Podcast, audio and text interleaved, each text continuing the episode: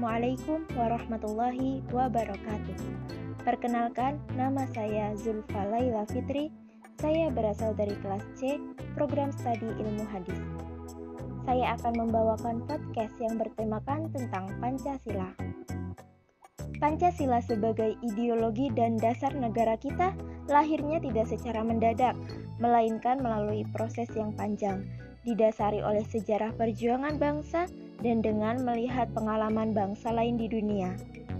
Pancasila diilhami oleh gagasan-gagasan besar dunia, tetapi tetap berakar pada kepribadian dan gagasan besar bangsa Indonesia sendiri.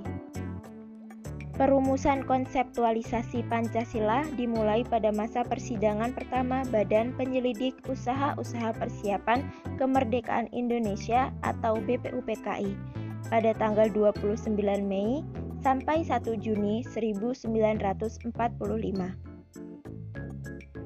Dalam menjawab permintaan Ketua BPUPKI ini, mengenai dasar negara Indonesia merdeka, puluhan anggota BPUPKI berusaha memberikan pandangannya yang kebanyakan pokok gagasannya sesuai dengan satuan-satuan Pancasila.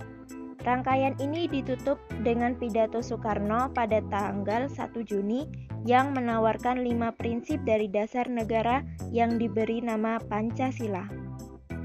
Dalam proses perumusan dasar negara, Soekarno memainkan peran yang sangat penting.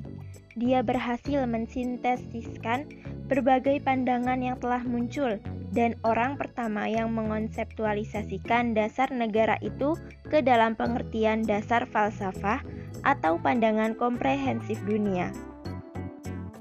Dalam usaha merumuskan dasar falsafah itu, Soekarno menyerukan bahwa kita harus mencari persetujuan, mencari persetujuan faham. Kita bersama-sama mencari persatuan filosofis Groundslack, mencari satu coach yang kita semuanya setuju. Saya katakan lagi setuju yang saudara Yamin setujui, yang Ki Bagus setujui, yang Ki Hajar setujui, yang saudara Sanusi setujui, yang saudara Abi Kusno setujui, yang saudara Lim Kun Hian setujui. Pendeknya, kita semua mencari satu modus. Setelah itu, Soekarno menawarkan rumusannya tentang lima prinsip sila yang menurutnya merupakan titik persetujuan segenap elemen bangsa. Rumusan kelima prinsip itu ialah yang pertama, kebangsaan Indonesia. Baik saudara-saudara yang bernama kaum bangsawan yang di sini, maupun saudara-saudara yang dinamakan kaum Islam, semuanya telah mufakat. Kita hendak mendirikan satu negara, semua buat semua. Buat bukan buat satu orang, bukan buat satu golongan, baik golongan bangsawan maupun golongan yang kaya, tetapi semua buat semua. Dasar pertama yang baik dijadikan dasar buat negara Indonesia ialah dasar kebangsaan. Kedua, internasionalisme atau pri kemanusiaan. Kebangsaan yang kita anjurkan bukan kebangsaan yang menyendiri, bukan chauvinisme. Kita harus menuju persatuan dunia, persatuan bersaudaraan dunia. Kita bukan saja harus mendirikan negara Indonesia merdeka, tetapi kita harus menuju pula kepada kekeluargaan bangsa-bangsa.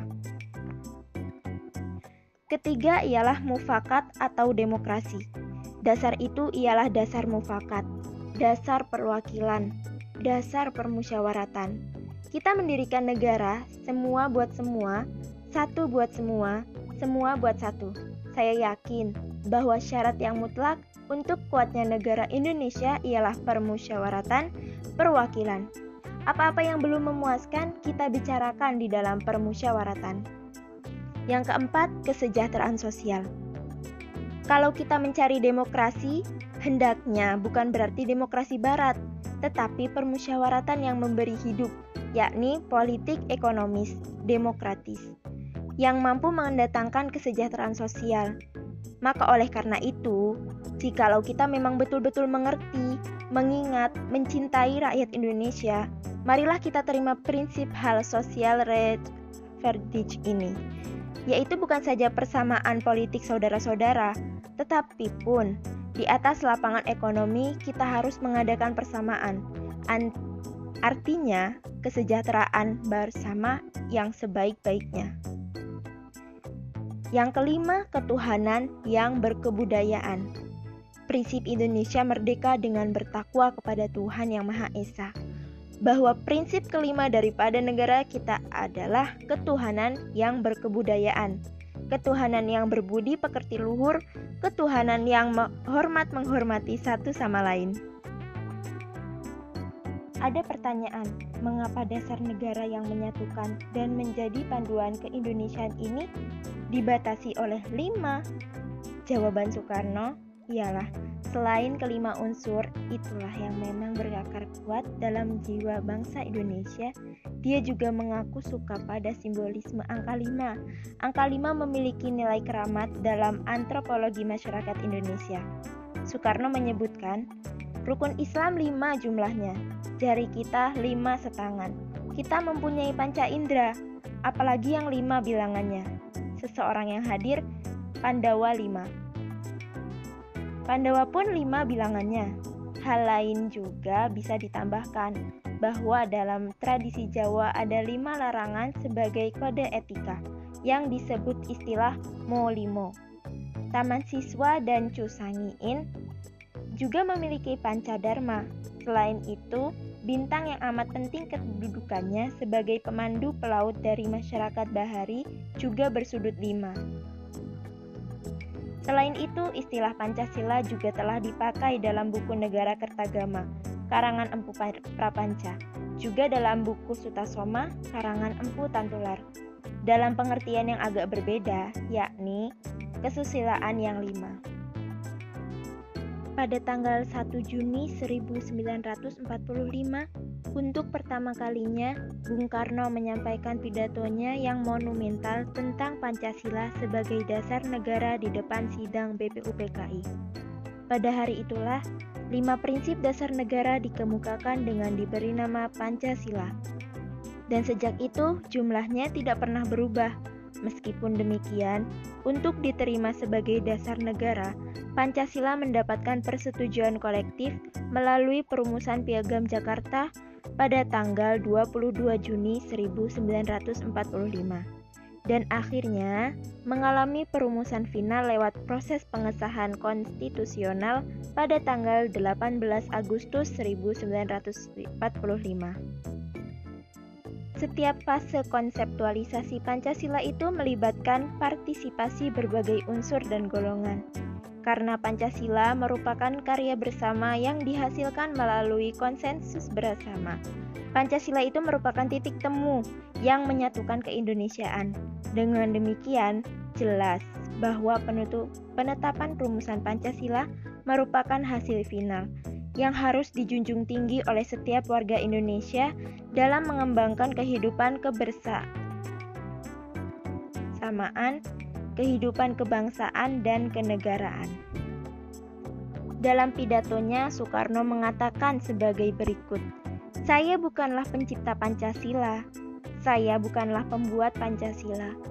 Apa yang saya kerjakan tempo hari ialah sekedar mempopulerkan perasaan-perasaan yang ada di dalam kalangan rakyat dengan beberapa kata-kata yang saya namakan Pancasila. Saya tidak merasa membuat Pancasila, dan saya dan salah sekali jika ada orang yang mengatakan bahwa Pancasila itu buatan Soekarno, bahwa Pancasila itu buatan manusia. Saya tidak membuatnya, saya tidak menciptakannya. Jadi, apakah Pancasila buatan Tuhan? Itu lain pertanyaannya. Ini dikutip dari pidato Bung Karno pada rangka pemeringatan Hari Pancasila pada tanggal 1 Juni 1946. Memaknai kembali Pancasila berarti kita ingin menegaskan komitmen bahwa nilai Pancasila adalah dasar dan ideologi dalam kita bermasyarakat, berbangsa, dan bernegara. Pancasila bukanlah konsep pemikiran semata, melainkan sebuah perangkat tata nilai untuk diwujudkan sebagai panduan dalam berbagai segi kehidupan. Dengan demikian, Pancasila harus menjadi landasan etika dan moral ketika kita membangun pranata politik, pemerintahan, ekonomi, pembentukan dan penegakan hukum, politik, sosial budaya, dan berbagai aspek kehidupan lainnya. Pada akhirnya, rumusan 5 nilai dasar sebagaimana tercantum dalam pembukaan Undang-Undang Dasar Negara Republik Indonesia tahun 1945 adalah yang pertama ketuhanan yang Maha Esa, kemanusiaan yang adil dan beradab, persatuan Indonesia, kerakyatan yang dipimpin oleh hikmat kebijaksanaan dalam permusyawaratan atau perwakilan, serta keadilan sosial bagi seluruh rakyat Indonesia. Kelima sila tersebut sebagai satu kesatuan nilai kehidupan masyarakat Indonesia dan dasar negara Republik Indonesia. Dasar tersebut kukuh karena digali dan dirumuskan dari nilai kehidupan rakyat Indonesia yang merupakan kepribadian dan pandangan hidup bangsa kita. Pancasila merupakan suatu perjanjian luhur yang harus dijadikan pedoman bagi bangsa, pemerintah, dan seluruh rakyat Indonesia. Itu pula lah bentuk dan corak masyarakat yang hendak kita capai atau wujudkan, yaitu masyarakat Indonesia modern, adil, dan sejahtera. Dari sejarah ketatanegaraan kita terbukti bahwa Pancasila mampu mempersatukan bangsa kita yang majemuk. Demikianlah para pendiri bangsa ini telah mewariskan kepada kita satu dasar falsafah dan pandangan hidup negara yang menjiwai penyusunan undang-undang dasar yang begitu visioner dan tahan banting. Suatu dasar falsafah yang memiliki landasan ontologis, epistemologis, dan aksiologis yang kuat yang dapat membimbing bangsa Indonesia dalam meraih cita-cita kemerdekaan dan tujuan nasionalnya. Terima kasih. Sekian podcast yang dapat saya bawakan. Wassalamualaikum warahmatullahi wabarakatuh.